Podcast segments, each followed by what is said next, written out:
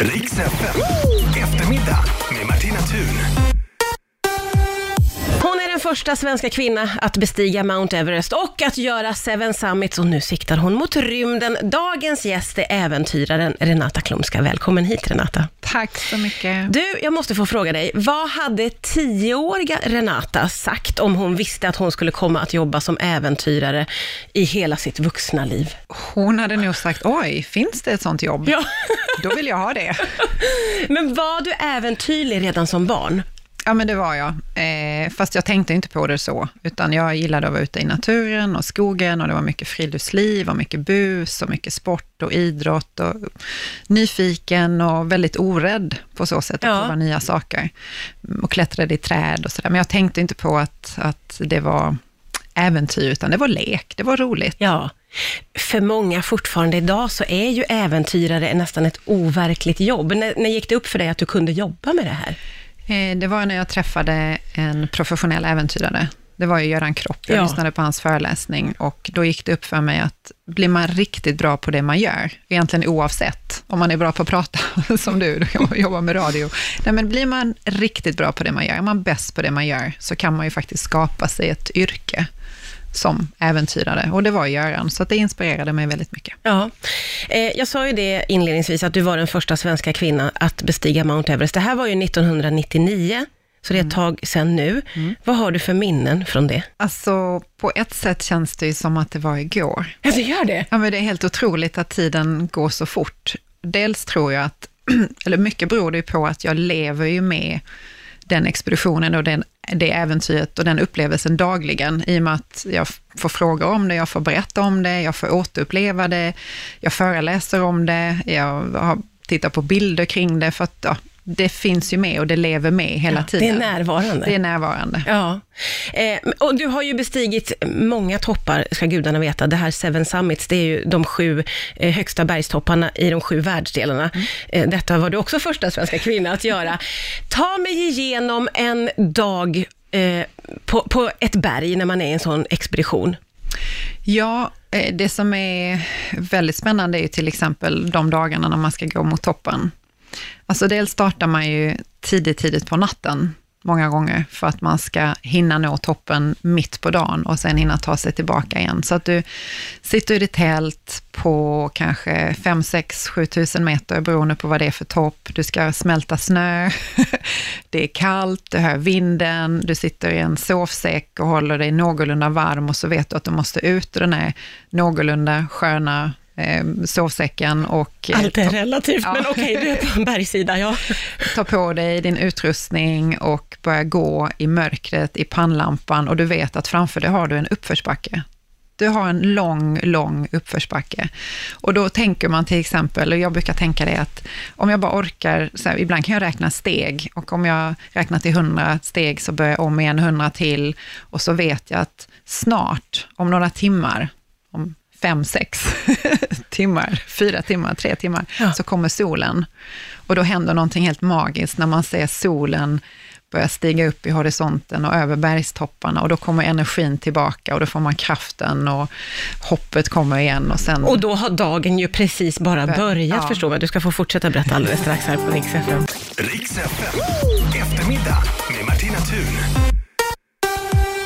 Du berättar så otroligt spännande. Jag har bett dig berätta om en dag på berget, när du är ute på en expedition och du berättar att man vaknar tidigt, tidigt, tidigt, det är mörkt ute, man sitter i sitt tält, i sin sovsäck, lite motvilligt tar du dig ut och du får alltså gå då upp för upp för upp för i timmar innan ens solen stiger. Och då förstår jag på dig att då får du en riktig sån, en boost. Mm. Och hur går du vidare sen?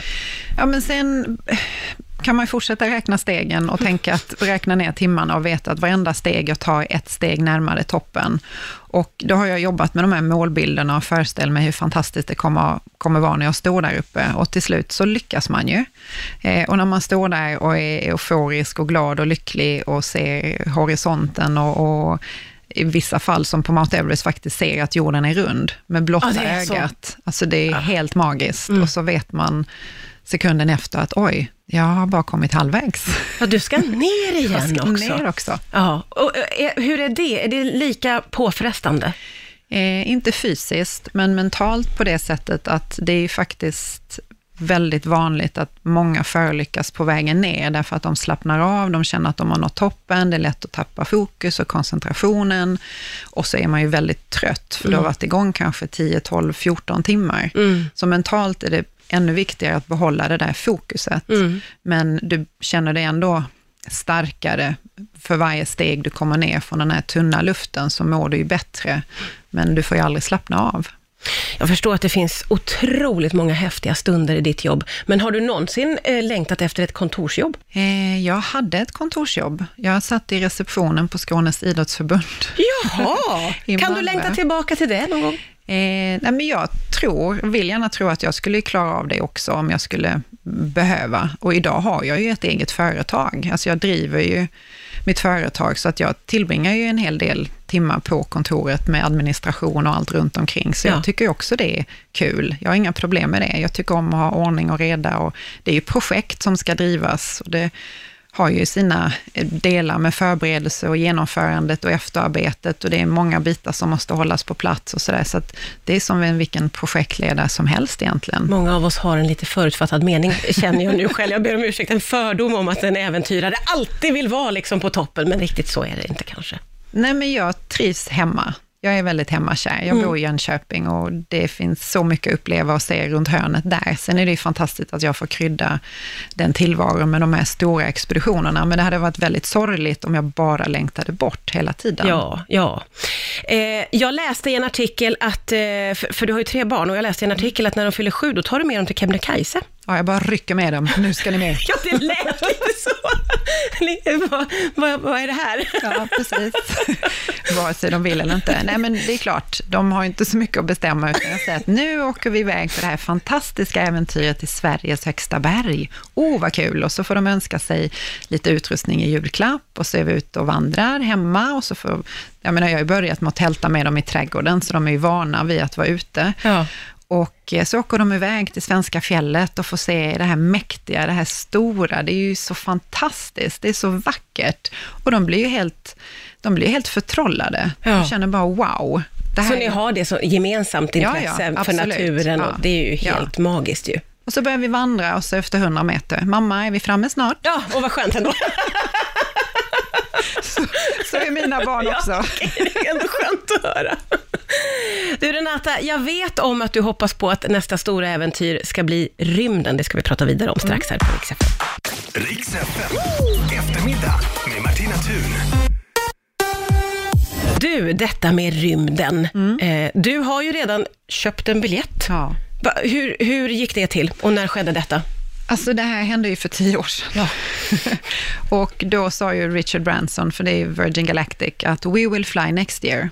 Oj, ja. Och det har han ju sagt nu i ganska många år och eh, jag tror ju på att vi kommer komma iväg. Nu kanske det inte blir nästa år, men om två, tre år är det dags. Och jag håller hårt i den här biljetten för att jag vill jag vill ut i rymden och se jorden från ett annat perspektiv, uppleva tyngdlösheten. För mig är det på något sätt det ultimata äventyret, även om jag verkligen gillar äventyren runt hörnet på hemmaplan, så, mm. så tror jag på att det, det väntar något stort där ute och att vi måste nästan ut dit också för att utveckla ny teknik och kanske för att få det perspektivet och förstå hur liten jorden är, hur skör den är, vi är fast mm, här. Mm, ja. vi måste hitta lösningar. Ja, ja. Men har rymden alltid varit en lockelse för dig, eller har den blivit det för att du har liksom klarat de här enorma utmaningarna och känner att du måste vidare ändå, förstår du? Men rymden har alltid fascinerat. Ja. Sen tror jag att det var lite som det var med för Mount Everest, eh, att när jag åkte till, kom till basläget för första gången 96 och jag såg berget och jag såg klättrarna, så tänkte jag det här, det här är inte för vem som helst, det här är för någon liten unik skara elitmänniskor. Mm. Eh, men så förstår man att så är det inte, det är för vem som helst som vågar ha en dröm. Och så är det med rymden också. Om du vill, vågar och tror tillräckligt mycket på att det går, så går det. Mm. Rymden finns där. Det är bara ut och, och sikta mot stjärnorna, så kan du verkligen komma hur långt och hur högt som helst. Ja. Eh, och förhoppningsvis då så får du komma iväg i, i, inom en snar framtid. Mm. Eh, vad har du fått för indikationer på när det kan bli en sån här resa? Två, tre år. Två, tre år? Ja. Vad krävs för förberedelse för det? Ehm, oj, det, alltså, det är lite beroende på hur man vill göra det. Det finns egentligen inga krav på vilken typ av förberedelse som behövs. Okej. Men jag förbereder mig som att jag ska till Mars. Ja, kanske inte riktigt, men månen vill jag till. Jag vill ju bestiga månens högsta berg. Ja, ja, det är klart det. Såklart. Ja, självklart. eh, hur viktigt är det för dig att bli första svenska kvinna i rymden? Det tåget har ju gått. Vi hade ju en svenska. Ja, det hade vi ju, Ja. svenska-amerikanskan. Ja, precis. Eh, och det är bara att gratulera. Hon gör det ju på riktigt. Och det var ju, så är det, jag har ju väntat så länge. Ja. Eh, men, För det har varit lite av en drivkraft det här med att bli, eller att vara först. Alltså det är ett, inte egentligen. Jag vill ju se, jag vill ju stå på toppen av Mount Everest oavsett om jag är först eller nummer tusen och jag vill ut i rymden oavsett. Men det är ett sätt att finansiera det. Ah, ja, ja, ja, att få att, fortsätta. Att kunna paketera det och göra Ja. något som ingen har gjort lockar ju såklart uppmärksamhet och tidningar och media och samarbetspartners. Men jag vill ut i rymden ändå. Sen får jag väl packa om det på ett annat sätt då. Ja, ja, ja, du hittar, du hittar på någonting, det där vet jag. Du, eh, när du har varit i rymden då, vad är nästa? Vad är nästa stora expedition? Nästa stora expedition, alltså du tycker att bestiga månens högsta berg inte räcker? Eh, Jag tycker att det räcker gott Ja. och väl, men, men Ja. min känsla säger att du kommer hem och, och tänker, vad ska jag hitta på nu då? Vad ska jag hitta på nu? Alltså jag har ju så mycket idéer. Ja, du har Precis- ja, men jag har precis startat e- egna kläder och bara det är ju en helt fantastisk... Ja, det är en helt annan typ av en helt expedition. annan typ av Ja. utmaning. Så att jag gillar ju att, att utmana mig själv på olika områden och eh, det är klart att förutsättningarna förändras. Eh, jag kanske får hitta på äventyr med barnen ännu mer. Det är kanske de som drar iväg mig någonstans. Vet aldrig. Man vet aldrig. Man vet aldrig. Så himla roligt att du kom hit idag. Eh, tack snälla Renata Klumska för att du kom till Rix FM. Tack. Riks FM. Eftermiddag med Martina Thun.